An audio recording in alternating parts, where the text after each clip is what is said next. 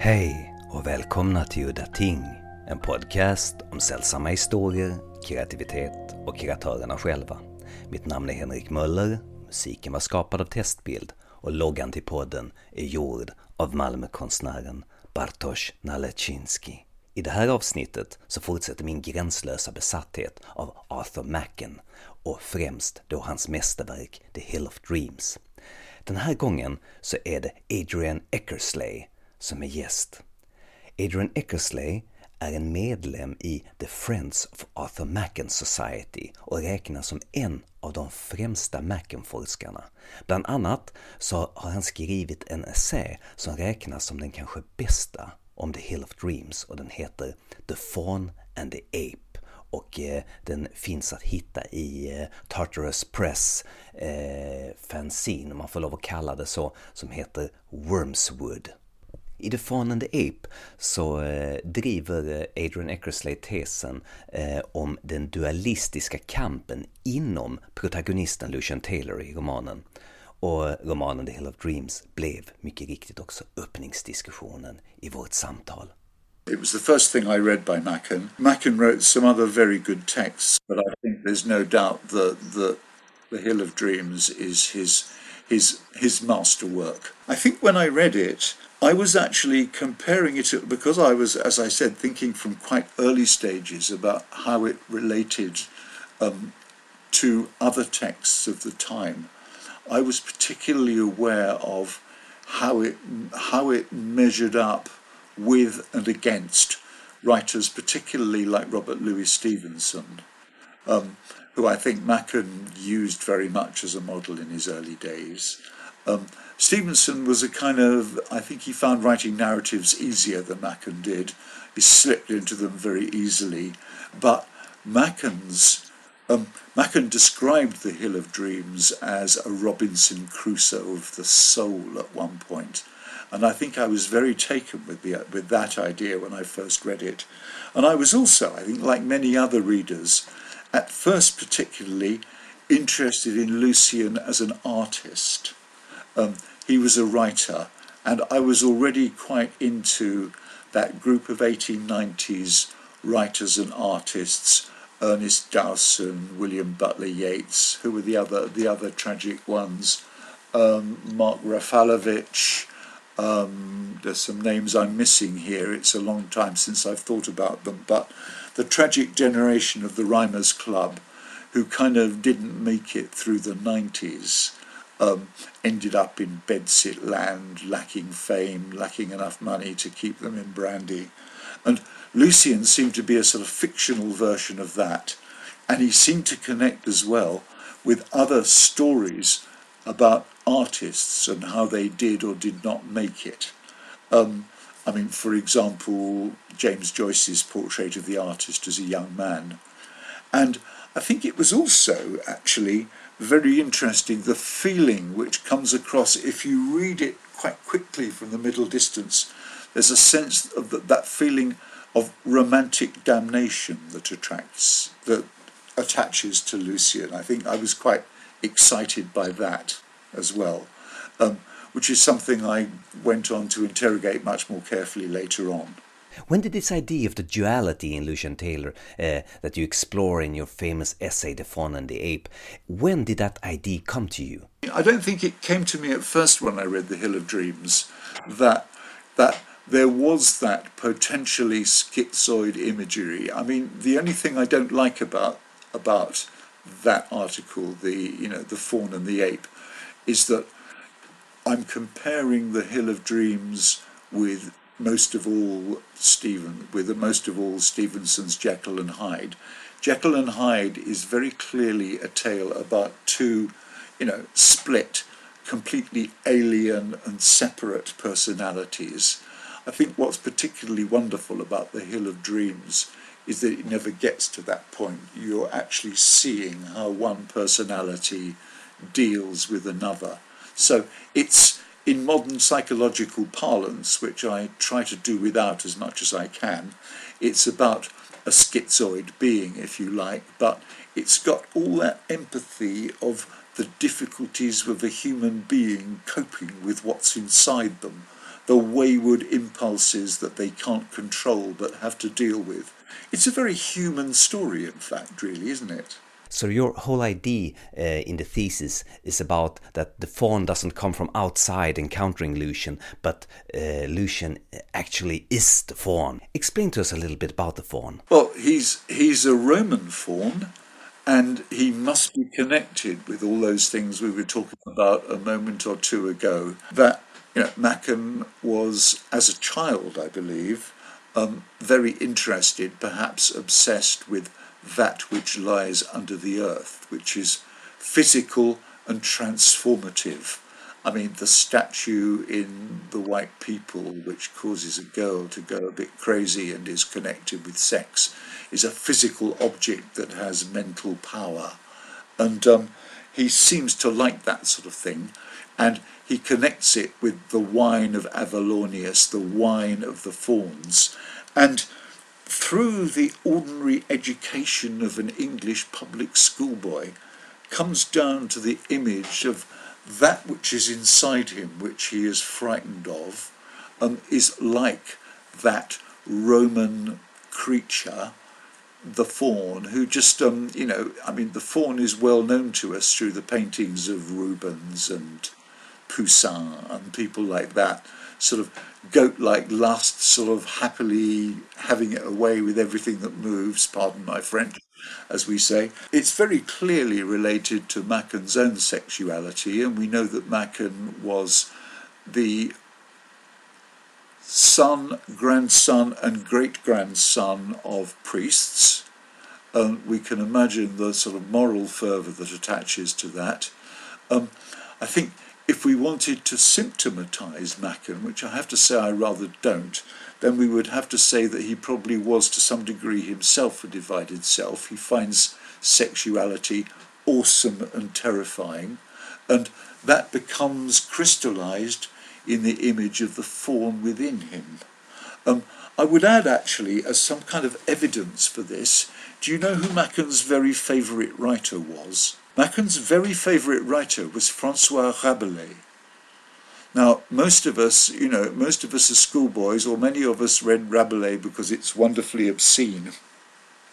And it certainly, and I think what the reason why Machen liked Rabelais even above Homer and Cervantes, his other favourites, was because he found the kind of genial obscenity of Rabelais absolutely awesome. That I've never found Rabelais awesome, I have to say. I find it wonderfully zestful and tremendously exciting, but awesome doesn't really come into it. But Machen found Rabelais and Rabelais' obscenity particularly awesome. And one of the things that differentiates, I think, late 20th century people from Machen's generation is that we tend not to commingle sexuality and awe. Therefore, we are not going to picture our own more sexual beings as fauns in quite the way that Machen did. It's pretty impossible to understand from a modern perspective. I mean, we're pretty different today. One of the different, I think, one of the one of the big differences is that if we go back to the 19th century and we think about love and we look at the works of painters like Burne Jones, knights kneeling awed, awed in front of their lady loves. Um, the feeling of awe was part of love, and Victorians, Machen's late generations, knew everything about love, and they weren't so good with sex. Now, along came Sigmund Freud, I guess, around 1900 or a bit after, and Freud medicalized all that awe stuff. He called it, he said, this is sadomasochistic or something like that. And as a result, I think we have been brought up um, following Freud.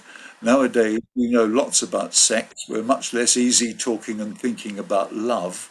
And it's Freud, who I believe is a very important thinker. I'm not sure I, I like all his ideas, but we are the children and grandchildren of Freud today.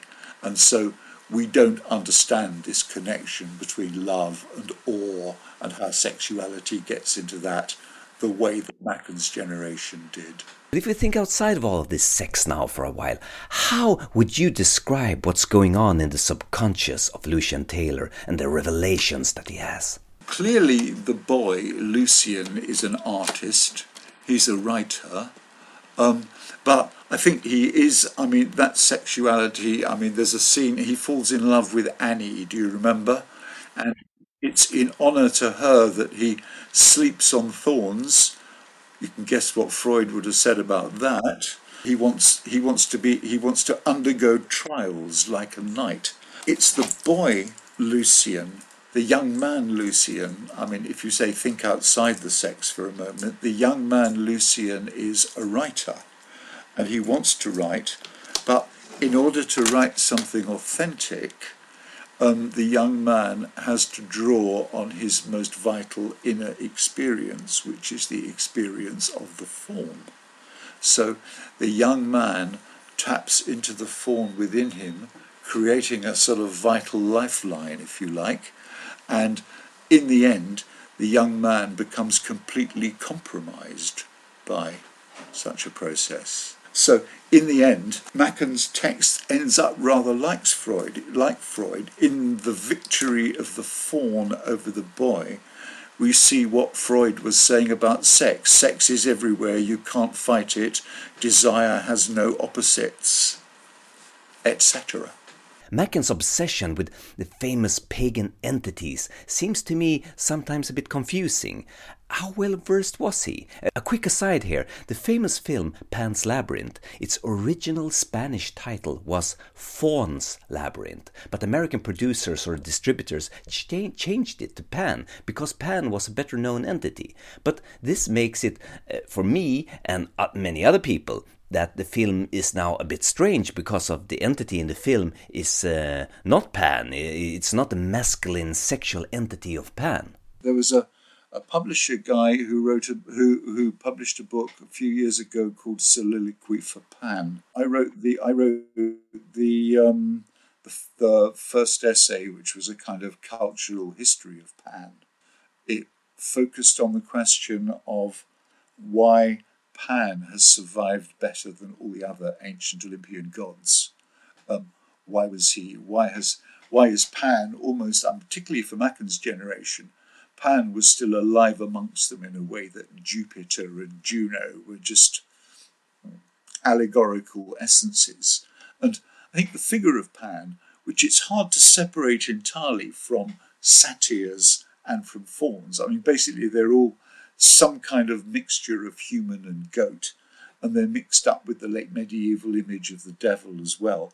I think that there's enough common ground there for it to be very difficult to um, to differentiate between them. I mean, Pan is the chief god of the fauns, if you like. Fauns are followers of Pan.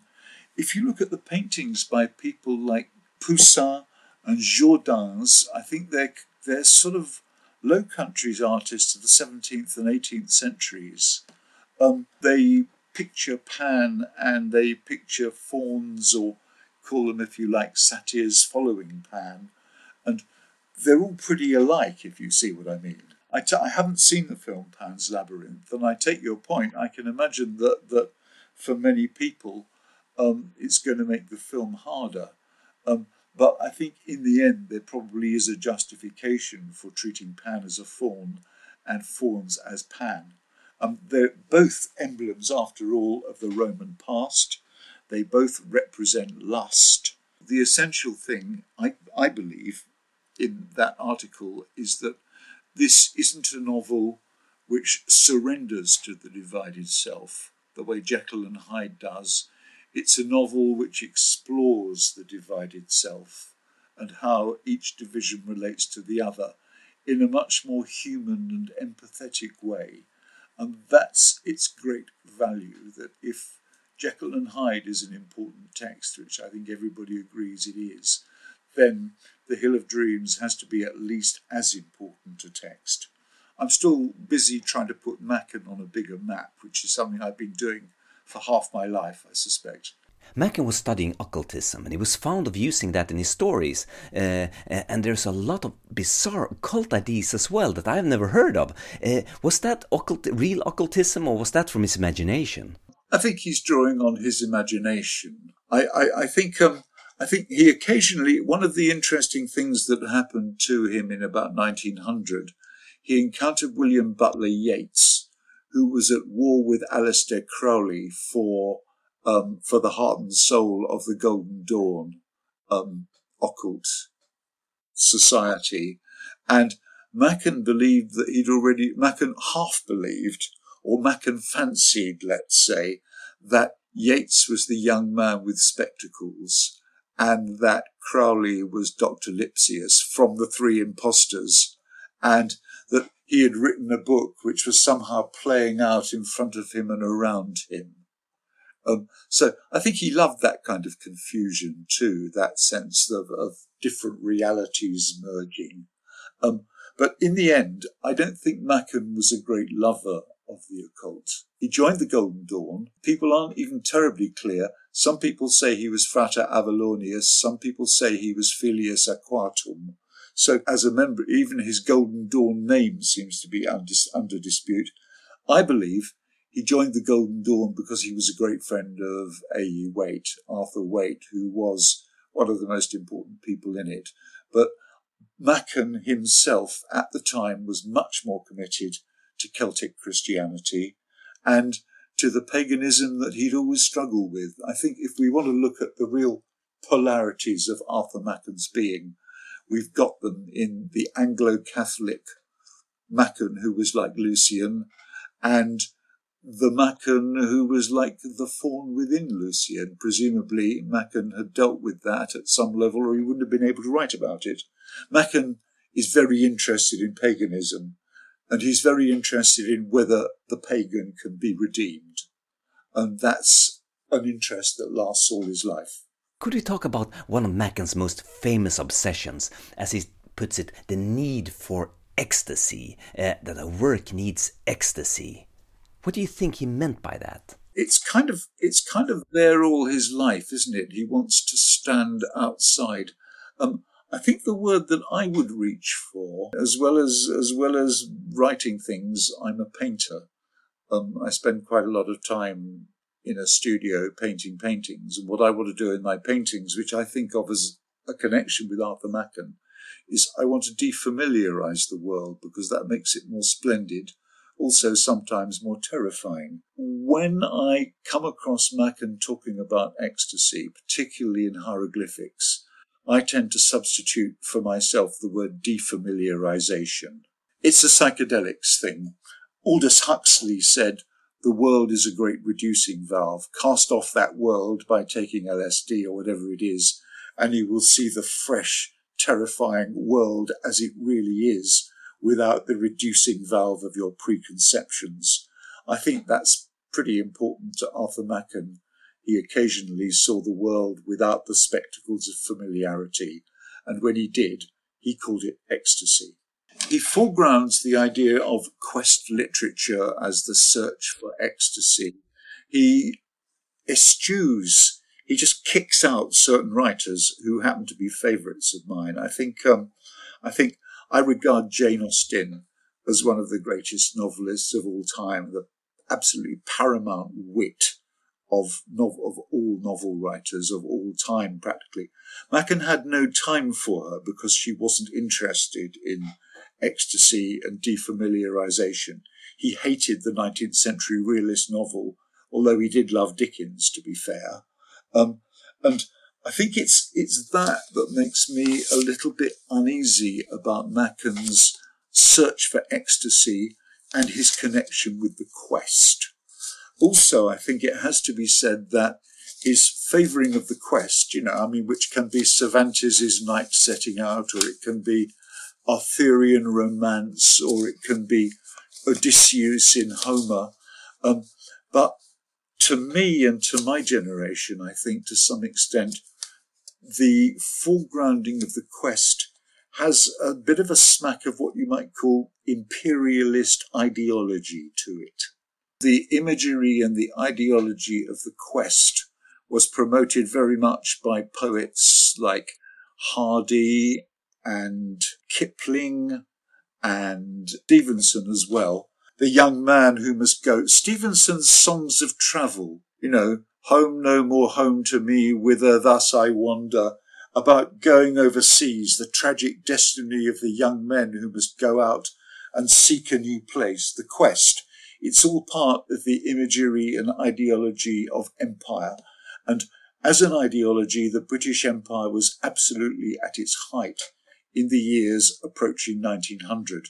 The Boer War, which ended in 1901, compromised the ideas of empire, and empire, the British Empire, has been winding down slowly ever since. It's pretty vestigial now, I hope you'll agree. But Machen's search for ecstasy, for me, is a little bit compromised by its connections with all that imperialist stuff.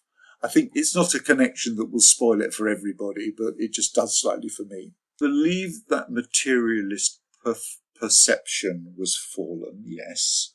Does that mean he would seek to live perpetually in the sort of white fire of regenerate perception?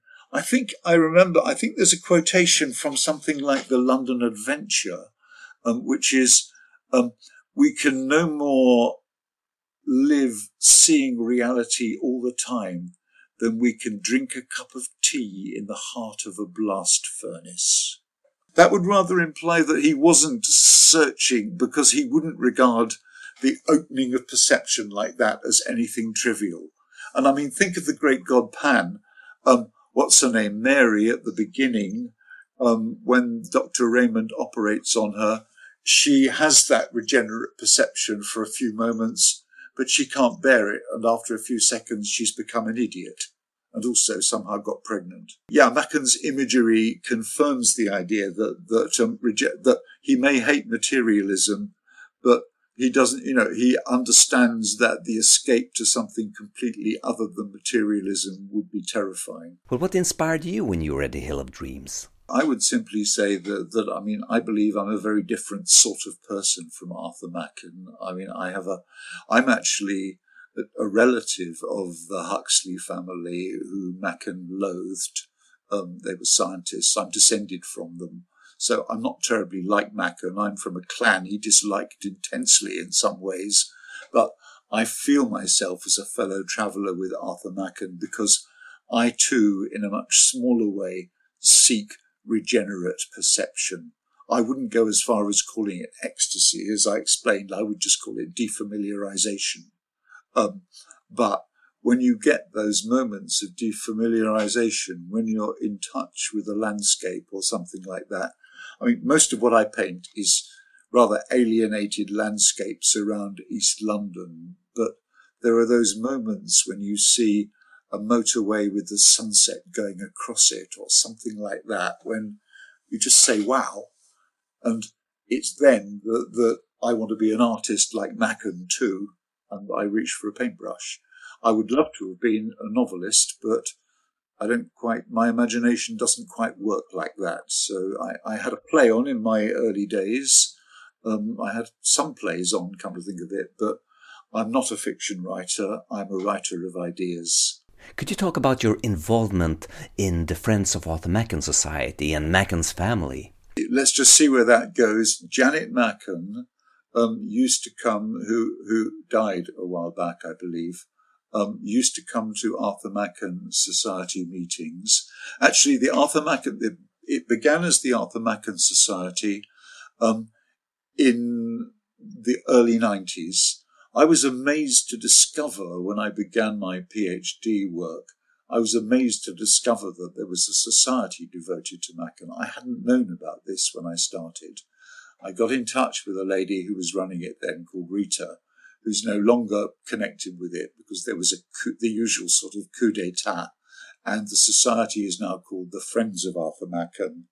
And it meets once a year and it's devoted to the works of Arthur Machen, but also to good living of the kind that Arthur Machen loved.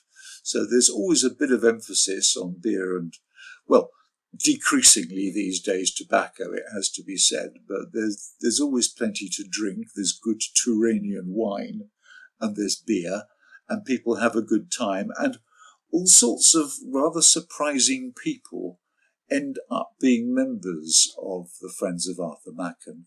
Give you an example, Barry Humphries. Barry Humphries is an Australian who came to England who's been a pretty major TV star. Um, he invented a sort of Australian housewife persona and was therefore an early drag act called Edna Everage. Um, Edna Average is the pun there, and became this sort of larger than life woman on TV. This is a member of the Arthur Machen fraternity. Julian Lloyd Webber, the cellist, was an important member for a while and may still be, I'm not quite sure. Stewart Lee, the comedian. A lot of writers, artists, um, seem to be members of the Arthur Machen fraternity, the Friends of Arthur Machen. It's a, it's a, and I believe it's open. I'm sure I run the website for them still, and I'm sure we have a membership um, deal for Europe for people in Europe. Um, if you care to look on the Foam Friends of Arthur Machen website, you'll find a page where there are details on these things. You can join up and you will receive um, four publications, well, three or four publications a year, mostly devoted to Arthur Machen. Um, and a lot of people, there's still a lot of, a lot of scholarship turning around about Arthur Machen through the society. I'm beginning to sound a bit like an advert, I fear, at the moment. Um, it's a fun society. People get a lot out of it. And there's always a buzz when people meet up. I think today uh, the society, the Friends of Arthur Machen, uh, much like that of the Lovecraft Circle, uh, the fans are very different. They have different points of entry into Machen. Some people who like Machen really do like the great god Pan and the Inmost Light, and they are the, the they're horror fans. A few of them are scholarly about that. Similarly, there are mystical Arthur Machens, who believe very much what Arthur Machen believed about materialism. I got married about 40 years ago, and I remember talking to the man who married us. I'm not religious myself, but I was embarking on a PhD around about then on Arthur Machen, and he predicted that I would become a religious person because I was reading Arthur Machen. Well, he was wrong, um, but lots of people who read Arthur Machen do have a big spiritual connection with Machen. Some people, I think, just love Wales. They're in touch with the landscape in the way that Wordsworth was in touch with the landscape of the Lake District. And they make that big connection. And Machen wrote his rolling periodical sentences about the landscape. Some of his best moments, you will know, are of description of the Welsh landscape. Um, think of the furniture, you know, the, the hanging woods, the white farms on the hills, all that sort of stuff. Some people love that. So I would say that the Arthur Machen, the Friends of Arthur Machen, is a very broad church. You'll meet all sorts of different people who nonetheless manage to get on pretty well most of the time. You also get, of course, a few occultists, people who are still connected with the imagery of the Golden Dawn, which Machen touched on, and a lot of people who would who who are interested in, in the occult, the occult, are interested in Machen through the imagery of his stories, um, particularly the ones we're talking about, the mid 1890s, the inmost light, the great god Pan, and so on. Um, so yeah, there's a lot of different kinds of people and kinds of interest coalescing in the Friends of Arthur Machen. I haven't read your older essay about the great god Pan, but could we talk a little bit about that? If you could explain what that is about. Okay, this is from quite near the end of the great god Pan, and it's the testament of the man who eventually destroys Henry Vaughan, um, sorry, Helen Vaughan, and I quote, the skin and the flesh and the muscles and the bones and the firm structure of the human body that I had thought to be unchangeable and permanent as adamant began to melt and dissolve. I saw the form waver from sex to sex, dividing itself from itself and then again reunited. Then I saw the body descend to the beasts whence it had whence it ascended, and that which was on the heights go down to the depths, even to the abyss of all being. I watched, and at last I saw nothing but a substance as jelly. Then the ladder was ascended again. Brackets, here the manuscript is illegible. For one instant I saw a form shaped in dimness before me, which I will not further describe. But the symbol of this form may be seen in ancient sculptures and in paintings which survive beneath the lava, too foul to be spoken of. But it's really the first half of that down to even to the abyss of all being that just describes a human being slithering down the evolutionary tree to become um, a beast and then a nasty mess on the carpet. If you go back far enough, if you go back to the early 19th century, um, the general model is that the wages of sin is death. But if you follow through the 19th century, some people before Darwin, I think the most important might be somebody called Baptiste Morel, Frenchman who was a follower of Pierre Lamarck. Um, what gradually happens is that the wages of misbehavior in the sexual sense or the addictive sense is degeneration. So what happens is that gradually and imperceptibly um, the modern biological thinking gets mapped onto the old religious thinking. The most important thing, I think, is that sanctions for bad behaviour remain consistently in place, even though there is a gradual shift from the religious to the biological. De- degeneration is transformation. Um, I mean, I mean, the higher degenerate, whom we were speaking of a little while ago, is somebody who has lost only one particular sense in their brain, or perhaps an organ in their brain, that little bit called the moral sense. But degenerates, um, I mean, let me give you an example. Um, Henry Maudsley, a psychiatrist or an alienist, as they called themselves, in about 1870 Quite an influential man. The Maudsley Hospital in South London is named after him. He wrote a book, I think it was called Body and Mind, but I'm remembering back a little way. And he's looking after insane patients, and he's describing mostly women, it has to be said, in whom the beast is becoming ascendant to the human. There's a woman who's like a goose. She makes goose noises and she flaps her arms like a goose would flap its wings. There's a woman who's like a sheep who comes and butts him with her head and makes barring noises. He clearly believed that there was an animal legacy inside the human that could come up and claim it and transform it. Now, Machen is a fiction writer, okay? He takes it a lot further, but the fundamental idea that degeneration is the animal coming up or the animal um, dragging the human down in, towards its depths, or the animal re-establishing itself inside the human. That that is the fundamental root of the pattern, if you like. I think um, shortly after I had that article published, I finished a PhD thesis on Arthur Machen. I think I was the first person in the UK to to get a doctorate entirely based on the work of Arthur Machen. There was a time when it looked like it would be published as a book. I quarrelled with the publisher before it was published.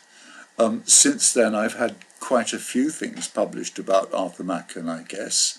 Um, certainly, some things in a journal called Ash in the United States. Um, one or two things in Faunus and Avallaunius. I think I edited. I edited a, a I don't know, Faunus and Avallaunius are the magazines of the Arthur Machen Society, the Friends of the Arthur, of Arthur Machen. I edited one version of it in my quite early days, and I must have written a couple of things in it, but they were all about Arthur Machen and psychedelics.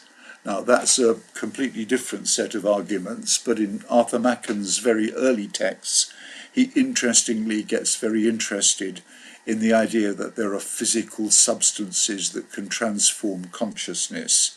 Um, tobacco is the first one he picks up. His first published work was The Anatomy of Tobacco. His second work, The Chronicle of Clemendy, celebrates beer in a rather similar way. And he regards it as something divine in these substances. So, you know, we're used to thinking of Aldous Huxley as the father or grandfather of the psychedelic movement, the substance that changes consciousness and therefore relativizes it. But actually, Arthur Machen is there along with Aldous, well, he was a, quite a lot older than Aldous Huxley. So Arthur Machen could be regarded as the father of psychedelics. He does mention he does mention some other substances. He mentions anhalonium lewinii at some point. Now I think that's probably mescal in common parlance. Um, the same thing as the mescaline that Aldous Huxley took in the Mexican de- in the in the Californian desert in the 1940s.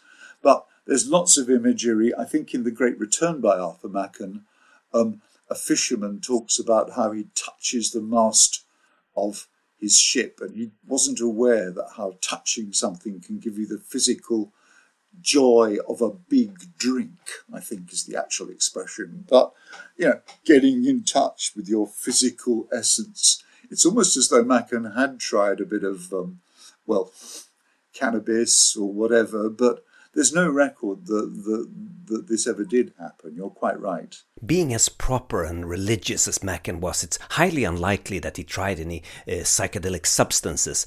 But another thing that struck me was that Machen had a lot of strange experiences in his life. And there's one thing in one of his memoirs where he describes the walls sort of pulsating and shaking, and the, the paintings on the on the wall are starting to vibrate, and sort of a wind goes through the room, and it's a very psychedelic experience. And I, I think that maybe he was going through some kind of a trauma or a, a schizophrenic experience or something like that. But he had a lot of those strange mystical experiences that he describes very vividly in his autobiographical texts. Yes, and I think, particularly in the years after his first wife died, 1899, 1900, 1901, all sorts of strange things were happening to him. He was trying um, forms of sort of ritual discipline, um, you know, which nowadays we might think of as allied to meditation or something like that, and getting some very strange results. Now,